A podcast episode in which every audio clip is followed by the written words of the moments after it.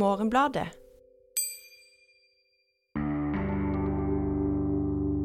Jeg tror jo ikke at kulturen skriker etter flere av disse middelaldrende tilbakeblikkene på hvordan det var å se en pupp for første gang.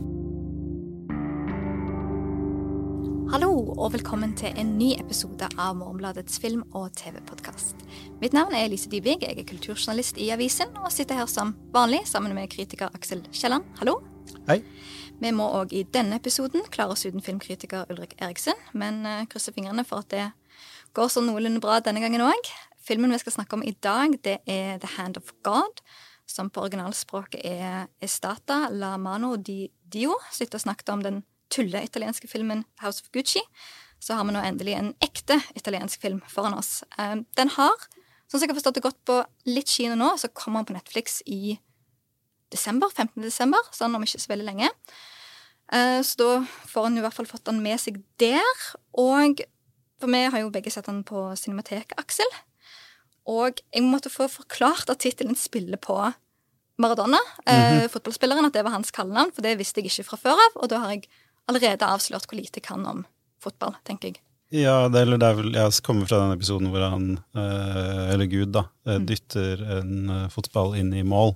Ja. Eh, som har blitt en av de definerende eh, hendelsene i, i Maradonas karriere. Og dette er da en uh, selvbiografisk film om, uh, altså av og om Paolo Sorrentino. Uh, best kjent for filmen Den store skjønnheten, La Grande Bellezza, som vant Oscar for beste utenlandske film i 2013. og kanskje også kjent for en del for TV-seriene The, The Young Pope og The New Pope som er veldig gode, ganske kjedelige, og som jeg har inntrykk av at ikke så mange har sett, selv om de har fått en del oppmerksomhet og ligger vel fortsatt på HBO. Det ble gitt ut en bok om, om film, filmkunstnerskapet til Sorrentino i fjor, tror jeg det var. Og der ble han jo beskrevet som virkelig som en av de store skikkelsene innenfor liksom, europeisk film i, i, dette århundret. Men når jeg hørte om den Maradona-linken, så tenkte jeg jo med en gang at det er en fotballfilm. Men det er det jo ikke akkurat han har lagd nå. Nei, det er en, en, film som jeg har lest og får veldig følelsen av er veldig selvbiografisk, og som handler da om en ung, ung mann som bor i Napoli. Nei, jo. Jo, i Napoli. i Napoli. I den perioden hvor da Maradona blir kjøpt til fotballaget. Og ja, liksom, på 80-tallet en eller annen gang. Ja, hever det da og liksom utfører da mirakler for både laget og byen. Uh, og så har du Det er jo en relativt klassisk uh, og på alle måter italiensk coming of age-story. Ja, han ser pupper, har sex for første gang og opplever noen tap, emosjonelle opp- og nedturer. Blir liksom klar for å gå ut i verden som en voksen, eller i hvert fall selvstendig mann, da. Mm. Så det er vel en slags sånn eh, mot slutten av et skift der vi ser at film blir det som tar han ut i verden på en eller annen måte. Ja, og det er jo lett Altså, tittelen henviser til Maradona, men jo, du får jo også veldig følelsen av at han har intendert den dobbeltbunnen, at det er da Guds hånd som via disse tragediene og hendelsene liksom dytter han inn i filmbransjen. Mm. For det er, der, eh, det er der filmen slutter. Yes. Så, så, du har liksom denne litt sånn retningsløse tenåringen som Uh, ja, som sier Men han er ikke interessert i noe sånn egentlig. Litt i fotball så går han rundt med sånne Hører litt på musikk hele tiden, og så tenker han på sex, er det òg tydelig, men Ja. Han er jo ganske sånn Det er kanskje ikke så uvanlig i filmer, i veldig sånn selvbiografiske filmer, at regissører, eh, filmskapere, ikke gir hovedpersonen så veldig sterke kvaliteter. Jeg tror det er veldig utbredt oppfatning av at livet ditt var noe som skjedde med deg. Det er ikke noe du drev frem selv. Og, og, og det gjenspeiles ofte i sånne uh, filmer, at hovedpersonen er ganske sånn uh, Sannsynligvis utforma for å være et speil som, som, publikum kan speile seg i. Og et av, grunn, et av måtene man prøver å gjøre det ganske universelt, er å gi de lite aktiv vilje og lite egenskaper. Så han er ganske flat. Han kan minne litt om, uh, om Luca, Luca i, i Kristiania Magiske Tivoliteater, som vi snakka om forrige episode. Ja, det er faktisk eh, veldig godt poeng. For, for, når jeg hører at eh, For det jeg visste fra før, det er en sånn fotballreferanse, og det er selvbiografisk på et eller annet vis, så merket jeg at det gjorde det når jeg så filmen, så det legger jo med seg noen føringer hvis du vet at oi, dette er filmskaperens egen eh, oppvekst eller liv som er, som er utgangspunktet. Og, og, for min del så handler det jo om at jeg tar handlingen eller jeg tar det som skjer, mye mer seriøst, da kanskje, som gjorde at jeg eh, var med på filmen. Og så når filmen var ferdig, jeg begynte å tenke på den som film, så endte jeg med at jeg mislikte filmen temmelig sterkt, da. Mm. Men jeg tror jeg er litt usikker på om du hadde trengt å vite det. For jeg, jeg, jeg synes at denne filmen har så mange scener og øyeblikk som ikke er motivert av noe dramaturgisk hensyn eller noe estetisk eller noe Eh, filmskaperhensyn, men som bare virker som de er der fordi ting var sånn i virkeligheten. Altså sånn, og Det er en følelse, det er akkurat som du i en mange Tarantino-filmer, selv om du ikke du kan ta referansen, så skjønner du av måten ting trer inn på lerretet på, at dette er en referanse. Og, og, sånn er det ofte med, også med sånne filmer som er veldig sånn dypt selvbiografisk forankra. Så er det sånn Hvorfor ser man på det man ser på? Jo, det var fordi at det var sånn i virkeligheten. Og det er også ofte svakheten ved sånne filmer at eh, virkelighetens dramaturgi tilfredsstiller ikke filmmediets krav. Mm. Og det syns jeg er en uh, gjennomgående problem uh, i denne filmen. Jeg, si, jeg er en ganske stor uh, fan av Sorrentino, men her, ja, her jeg veldig, fikk jeg veldig følelsen at det hans selvpålagte mandat her, da, om å forklare hvordan ting virkelig var, gå på bekostning av hans Eh, handlingsrom til å gjøre det han gjør best, som er liksom virkelig å bare kjøre på med alt filmmedia har. Han er en veldig sånn katolsk filmskaper i det at han, han liksom han kjører på med, med, med, kostymer, med arkitektur. Han er en utrolig dyktig regissør når det kommer til å liksom dramatisere arkitektur, med dans, med kamerabevegelser, med musikk. For det er noe litt sånn pompøst og spektakulært. Veldig pompøst, mm. og veldig ofte symbolsk, veldig sånn fortett fortetta, karikert estetikk. Um, ja, for, for, meg så Det at jeg vet, eller får vite, at filmen er selvbiografisk, forklarer i stor grad igjen hvorfor filmen ikke fungerer. Og der er jo nettopp det hva, hva feller kan en gå i når det er super selvopplevd. Og der tror jeg det er noe at når det for en sjøl framstår så sterkt og viktig at en tar det nesten litt for gitt at dette er så interessant, Mm. At alle andre vil bry seg. Og så greier en ikke helt å forankre det materialet. Og hvis jeg kan bare si en uh, liten uh, plott, uh, handlingselement som nok allerede ligger der ute allerede, er jo at den, den traumatiske hendelsen er jo at begge foreldrene dør i en, i en, ulykke. Og så plutselig, for noen dager siden, så kom et, et dukket opp et sitat i hodet mitt fra um, Oscar Wilde-skuespillet The Imports of Being Earnest, der en sånn rik overklassetante sier etter å liksom blitt informert om at det er en av personene som er foreldreløs. Så sier noe sånt som å miste én forelder eh, kan bli ansett som en tragedie, men hvis du mister begge, så it looks like carelessness. Og, og den, den, replikken på en måte oppsummerer noe med dette om, som jeg føler går igjen i filmen, at det konkret som skjer, er forferdelig. Men som seer så klarer jeg ikke å ta det som skjer, seriøst. Eller filmen seriøst. Ja, eller jeg tok det jo seriøst, men det, det, ganske, det berørte meg ganske lite. Eh, mm. Og jeg syns det er påfallende at Og altså igjen, altså, det, dette er det ene sentrale, sentrale det, eller hva skal man si, punktet i denne filmen, er dette tap av foreldrene. Og så på det andre så har du da den seksuelle oppvåkningen. Han og broren hans er veldig eh, kåte på tanta si. Det er noe han liksom driller inn gjentatte ganger. Eh, og så debuterer han seksuelt med en nabo. Eh, men liksom både dette eh, tapet av foreldrene, det er jo en, en sentral tråd i eh, The Young Pope. Det er et liksom traume som Altså, det skjer på en annen måte, men det er liksom det lader den serien veldig, da. Altså Pavel Lenny, som han heter, uh, sliter veldig med det. Også dette med liksom dette første uh, pubertale møtet med kvinnebryster, da. Det lader jo også um, store skjønnheten. Det er jo liksom den saliggjørende slutten av den filmen ender jo der. Mm. Så det er jo noe med at uh, skjellsettende opplevelser eh, trenger ofte, nettopp fordi du sier da at, det er ikke opplevd av andre, så det trenger ofte det, noen ekstra runder eh, før det virkelig kan formidles til et publikum og få den samme effekten. Mm.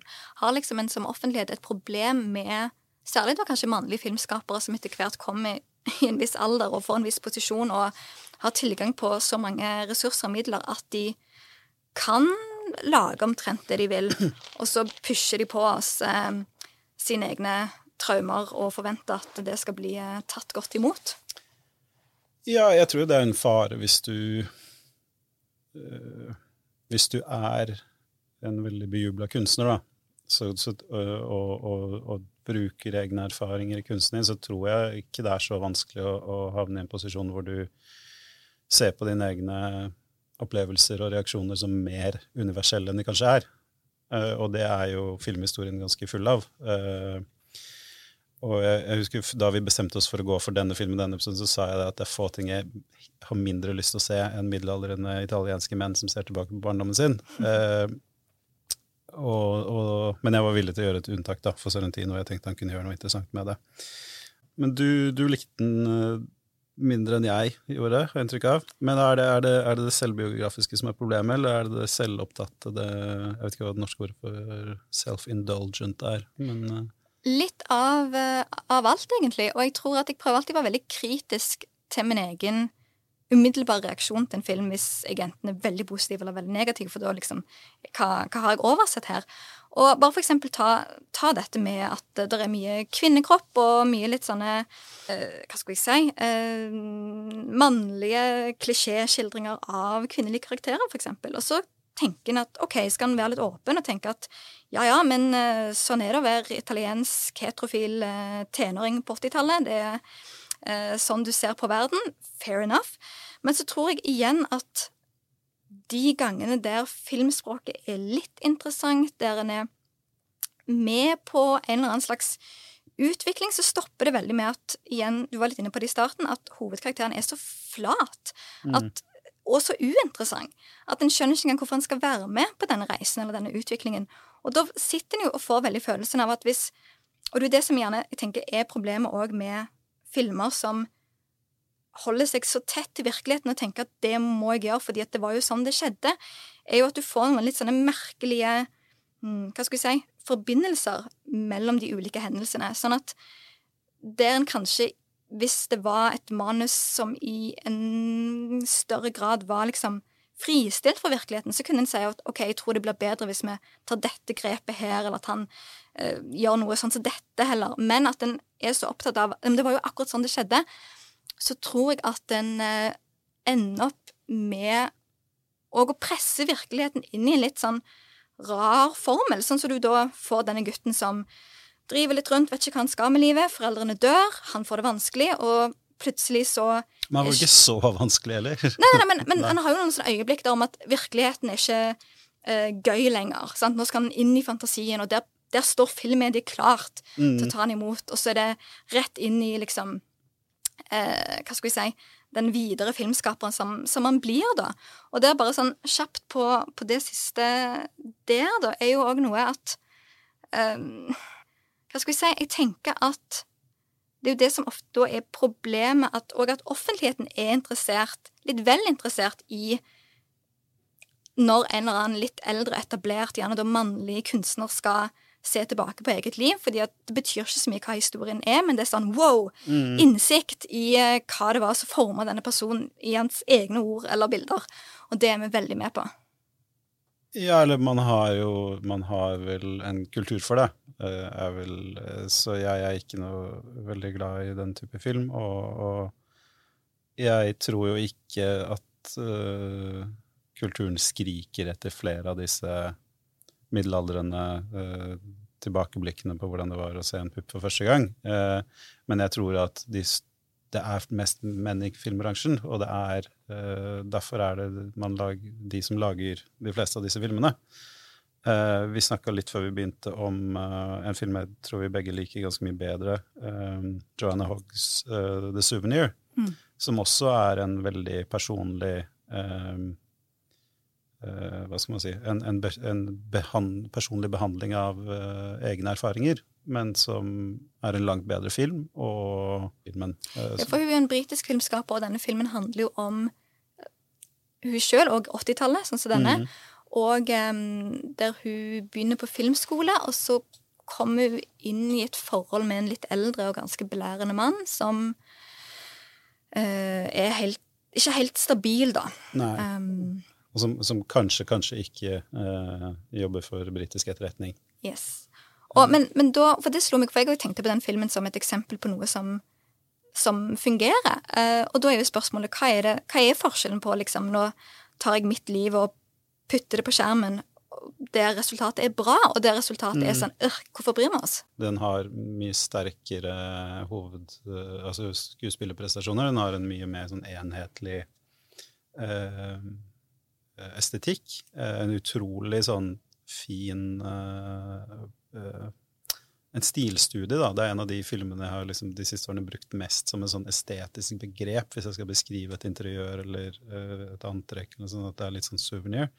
Um, så er det det at, det, det er gjennomført så bra? Ja, det også, men ja. jeg tror jo at hvis vi hadde sett liksom Hvis dette var 13. på dusinet av uh, unge, velstående britiske filmskapere gjenforteller sitt uh, forhold med uh, med mystiske stoffmisbrukere, så tror jeg vi hadde sett med litt andre øyne.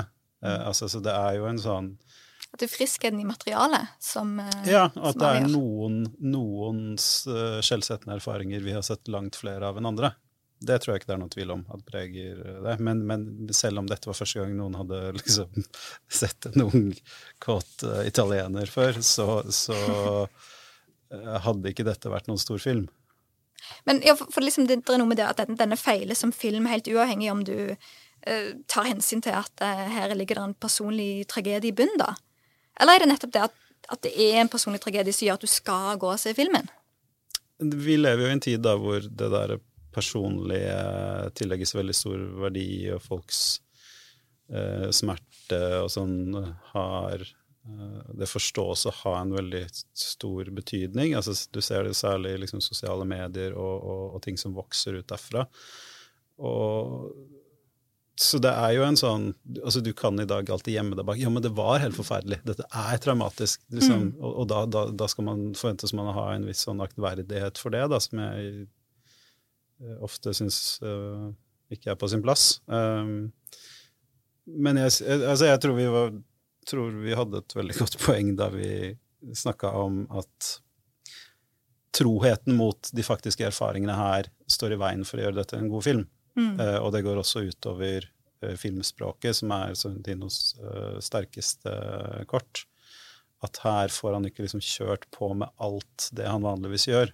Her er det Jeg leste et intervju med der han sa at han bruker som regel Ehm, en film på å søke til sannheten, eller det var noe sånt om at liksom, gjerne at kameraarbeidet er, skal være et uttrykk for liksom, at en leter etter mm. en eller annen form for sannhet. Men i denne historien så kjente han jo til alt, så han trengte ikke søke til noen sannhet. Nei, så jeg lurer på om det, det ligger jo at her er alt vedtatt og opplagt, så det trenger ikke være noen uh, risting i materialet for å få det til å liksom leve Nei, og du får jo veldig liten følelse av at han liksom ransaker sine egne minner eller, eller tolkninger av ting, da. Mm. Ja, for det er det jeg òg sliter med, at det er ikke et bevisst skille eller forhold eller lek med liksom perspektivet til den tenåringsgutten, perspektivet til den eldre filmskaperen og perspektivet til filmen. At alt bare er liksom en liten sånn klump eh, som av og til smelter sammen. og og mm. av og til ikke, føler jeg. Um, og jeg tror det er noe med det, den litt sånn irritable følelsen jeg har når jeg ser denne filmen, er at den liksom vil være, vil være alt, men klarer ikke å være noe. At den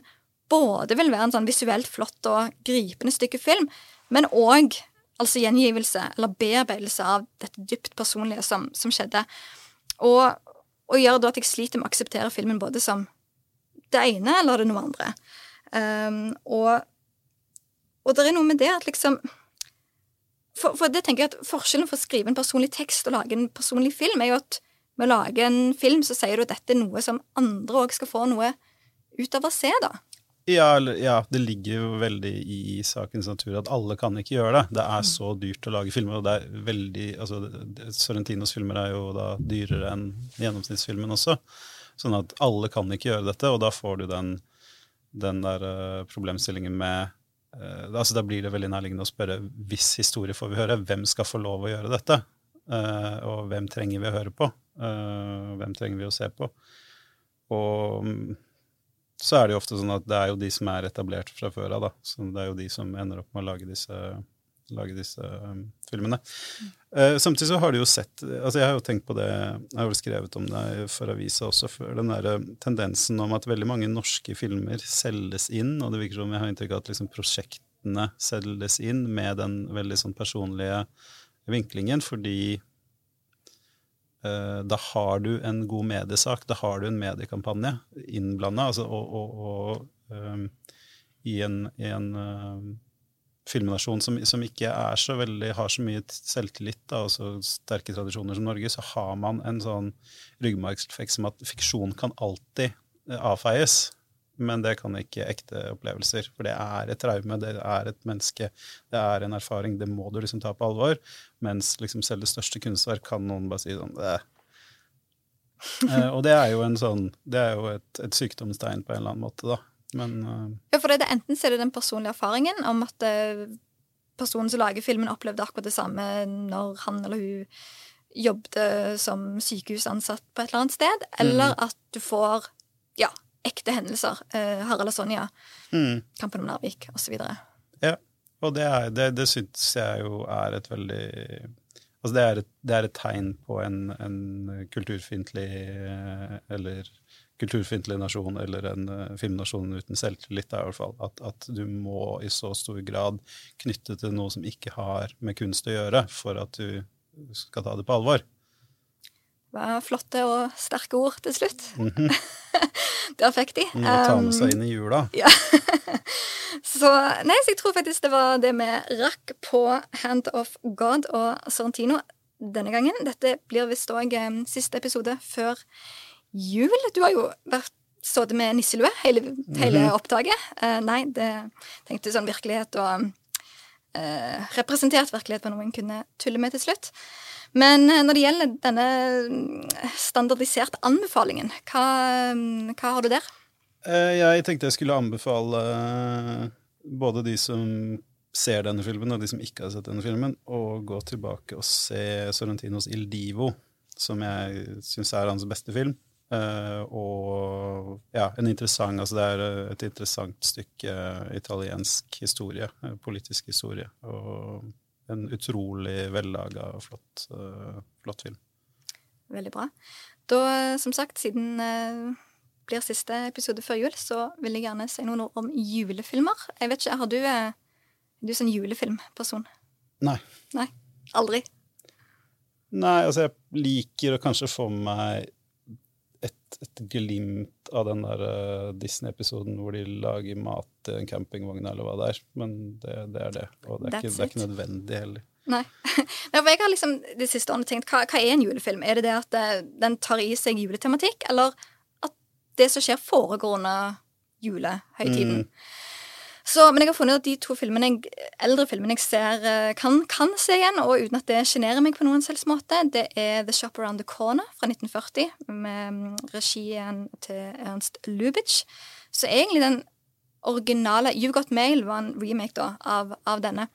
Der eh, to ansatte jobber i en sånn krimskramsbutikk i Budapest, tror jeg det, rett før jul. Um, hemmelige brevvenner med hverandre. Og uh, kanskje fordra hverandre. Så både romantisk komedie og uh, og julefilm.